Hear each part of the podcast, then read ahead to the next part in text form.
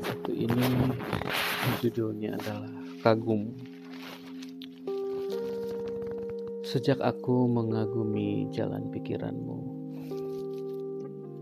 caramu menyampaikan pikiran dan kepintaranmu menyusun argumentasi. Sejak itu pula aku baru mulai menyadari betapa cantiknya wajahmu sehingga selanjutnya sekalipun engkau bukan seorang ratu tetapi aku melihat perilakumu persis seperti ratu yang anggun dan berwibawa. Sehingga dengan sukarela aku memperlakukan dirimu layaknya seorang ratu. Kelembutan hatimu kecerdasan otakmu dan kesantunan dalam tuturmu di tengah kehidupan yang sangat keras ini. Benar-benar merupakan mutiara dalam lumpur. Kepribadianmu yang sangat kokoh itu dapat dipastikan tak akan lengang kena panas dan tak akan lapuk kena hujan. Engkau tetap bertahan menghadapi terpaan angin kencang yang datang menyerang. Aku tidak melihat dalam kepribadianmu ambisi apa pun. Engkau sangat tulus berbuat kebaikan kepada siapa pun, sehingga aku dapat memastikan bahwa kebaikan-kebaikan akan dikenang orang, karena pada umumnya apa pun ideologi besar dan nilai-nilai luhur akan porak-porak akan porak-poranda ketika berbenturan dengan kepentingan-kepentingan pribadi. Prosedur yang paling benar untuk memasuki hatimu pertama-tama, aku harus benar-benar memberikan penghormatan kepada dirimu. Setelah itu, aku harus mencurahkan segala perhatian kepada dirimu.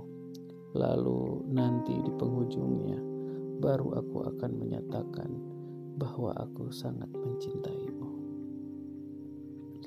Andaikan engkau tidak menerima cintaku karena di dalam diriku terdapat berbagai kekurangan dan kelemahan, aku sudah siap untuk menerima kenyataan apa adanya.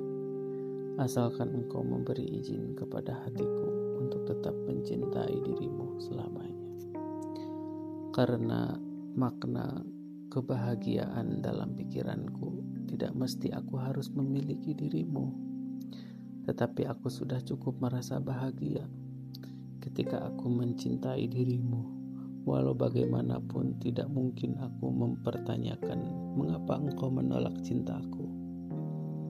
Aku tidak menuntut dalam waktu secepatnya engkau menjawab cintaku.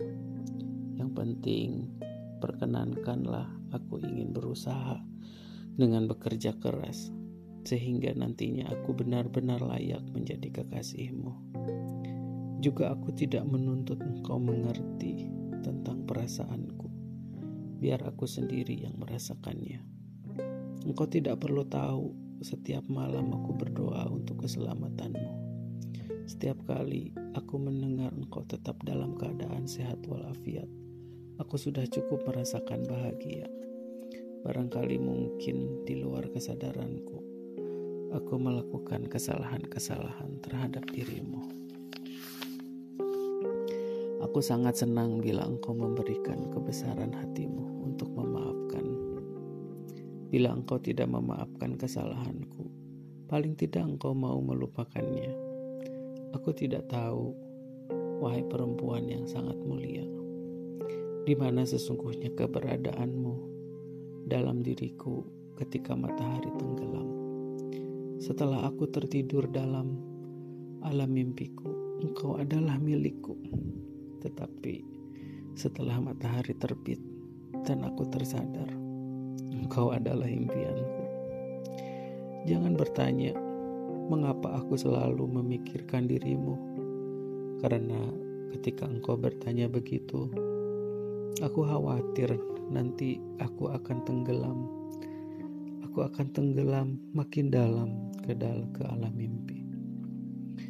Aku ingin tetap berada di alam realita dan biarkan mimpi-mimpi itu datang sendiri dan aku dapat dan aku dapat menikmatinya. Apabila orang yang miskin masih mampu untuk tersenyum, maka harus kita pahami dengan jelas bahwa kebahagiaan bukan monopoli orang-orang kaya.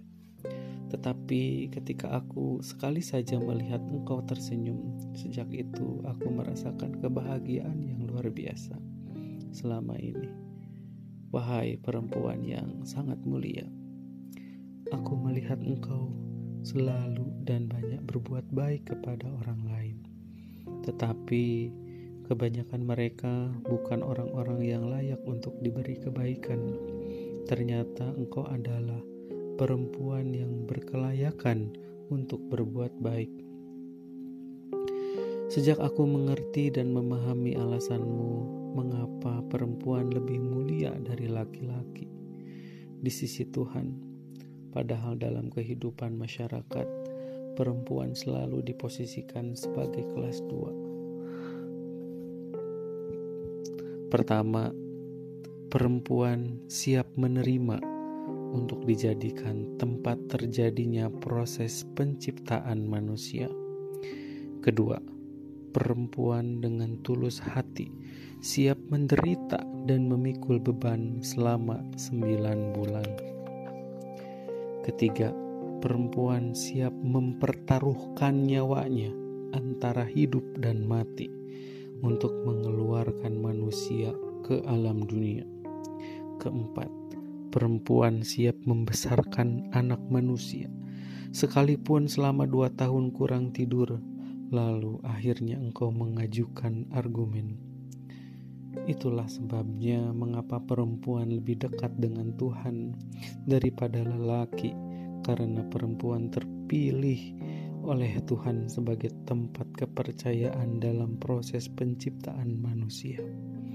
Kalau begitu, wahai perempuan yang sangat mulia, izinkanlah aku selalu berada di dekatmu, supaya aku juga dapat dekat dengan Tuhan Kedekatan dengan Tuhan, wahai perempuan yang sangat mulia, memang bukan berarti kedekatan jarak, karena Tuhan tidak berjarak. Balikan Tuhan lebih dekat daripada urat nadi. Bahkan Tuhan lebih dekat daripada urat nadi.